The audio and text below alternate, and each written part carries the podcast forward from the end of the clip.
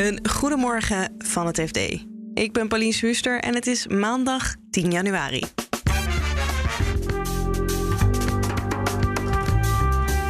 Het is zover. Na maanden onderhandelen staat er vandaag eindelijk een nieuw kabinet op het bordes. Wij duiken in de miljarden die Rutte 4 heeft te spenderen. En de inflatie die zet maar door. En dat merken ook de supermarkten, vooral in de prijsonderhandelingen met de aanmerken. En daar zijn ze toch een beetje ja, zagrijnig op. Ze verdenken die ervan dat ze de prijzen meer verhogen dan de inflatie rechtvaardigt. Dit is de dagkoers van het FD. Rutte 4 staat vandaag op het bordes met een goed gevulde portemonnee. Want dit kabinet heeft tientallen miljarden klaar liggen voor grote projecten. We maken de rekening op met onze Haagse verslaggevers Martine Wolzak en Cor de Hoorde. Sinds mijn uh, vroegste jeugd dat ik uh, naar journaals en dergelijke keek in de jaren tachtig, was het altijd bezuinigen geblazen. Er was altijd tekort aan geld. Het was altijd wat. Als je dat vergelijkt met de huidige situatie, er is zoveel geld beschikbaar dat, dat ik af en toe even moet knipperen of ik het wel goed gezien heb. En dan zou ik denken, nou, dat is handig. Dan kunnen we van alles doen. Maar jullie zien er ook uitdagingen in. Nou, de grote uitdaging is, hoe krijg je het geld uitgegeven? We lezen elke dag over de krappe arbeidsmarkt. En juist bijvoorbeeld de klimaatambities van het kabinet. Dat heeft ook echt te maken met handjes die je nodig hebt. Mensen die dat werk gaan doen. Uh, die windmolens uh, die bouwen zichzelf niet. Huizen isoleren zichzelf niet daar heb je gewoon heel veel uh, arbeidskrachten voor nodig.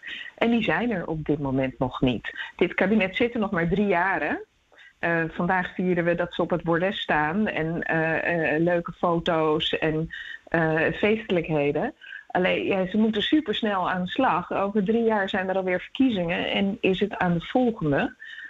Dus dat is een hele korte tijd voor bedrijven die dit werk allemaal moeten gaan doen om beleid op te maken. tweede punt, naast dus de handjes, eh, eh, gewoon het hele vergunningstelsel eh, zoals we het in Nederland gewend zijn. Dus allerlei grote projecten die ze ook gepland hebben. De, eh, ja, nieuwe hoogspanningsleidingen, eh, nieuwe leidingen voor warmtenetten. Je komt daar echt bijna geen stap verder. Je mag blij zijn als je de eerste milieueffectrapportage overleefd hebt. Dus da dat is de volgende stap, is hoe, hoe gaan ze uh, dat doen? Dus in de praktijk uh, lijkt het mij sterk dat je over uh, drie jaar al het resultaat ziet in de vorm van een netwerk van nieuwe hoogspanningsleiding in Nederland. Ja, en als je ook kijkt naar, naar het tempo waarin het kabinet al die tientallen miljarden hè, die ons om de oren vlogen wil gaan uitgeven, dan zie je ook dat een flink deel daarvan pas valt in volgende kabinetsperiodes. En dan is dit kabinet vooral bezig met de voorbereiding daarvan. Is het dan ook een beetje een overgangs- of tussenkabinet in het zin van het geld uitgeven? Nee, dat denk ik niet. Want dat gaat met name om hè, die uitgaven aan infrastructuur en klimaat. Uh, en ook woningbouw. Hè, dat, daar kijken ze ook al door naar 2030. Uh, ja, andere dingen gaan wel echt nu al gebeuren. De verhuurderheffing gaat eraf. Uh, de kinderopvang moet gratis gaan worden. Dat zijn wel echt wapenfeiten die ze deze kabinetsperiode willen gaan realiseren. En het gevaar is natuurlijk ook van als je. Nou ja, ik heb in het verleden veel geschreven over het pensioenakkoord, zoals sommige mensen misschien weten. En daar had je Jetta Kleinsma, die zei van ik heb de voorwas gedaan. En daar moet mijn opvolger de hoofdwas gaan doen. Nou, dat was Wouter Koolmees.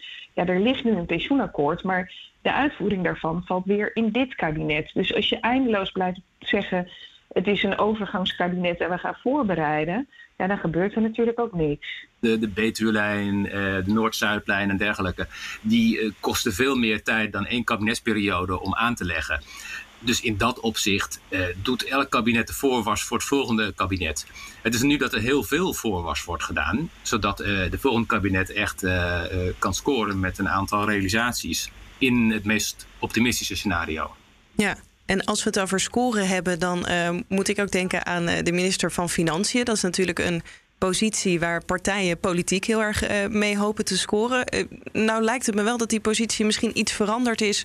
Doordat de hand niet meer hard op de knip gehouden moet worden. Verwachten jullie dat het iets doet met de populariteit van Kaag? Ja en nee, met name de macht van Kaag. Ehm, je, nu moet je ook bedenken, ehm, financiën was vooral heel invloedrijk tijdens de financiële crisis. En, en als er echt zwaar, zwaar, bezuinigd moet worden. Dus op het moment dat, dat, dat, dat, er tekort is aan geld en degene die aan de knoppen zit, um, die, die grote bewegingsvrijheid heeft, dan heeft die persoon heel veel macht. En op dat moment is dus het ministerie van Financiën een heel machtig ministerie. Daar moeten we het ook niet gaan overdrijven. Financiën blijft, ik denk wel, het belangrijkste ministerie na, na het ministerie van de minister-president. maar dat gewicht zal wel wat minder zijn dan het een jaar vijf geleden was. Dus wat dat betreft ehm, hebben we nu de eerste vrouwelijke minister van Financiën toevallig op, op een moment dat het ministerie net ietsjes minder machtig is dan het de afgelopen tien jaar was. Je hoorde Cor de Hoorde en Martine Wolzak. Vrijdag werd bekend dat de Nederlandse inflatie in december is opgelopen tot 6,4 procent. En dat zien we ook terug bij de supermarkten. Die zitten nu midden in de jaarlijkse prijsonderhandelingen met producenten. Uh, Jan Braaksma is FD-redacteur Detailhandel.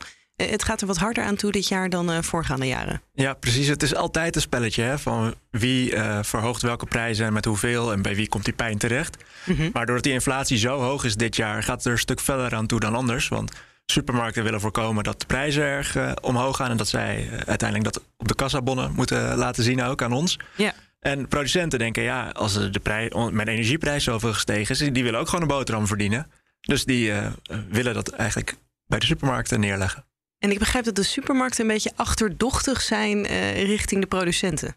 Ja, vooral naar de grote merken, dus de A-merken. Dat zijn de, de, ze willen geen namen noemen, maar het zijn de Coca-Cola's van deze wereld, Heinz, Unilevers. Dat zijn de, de A-merken.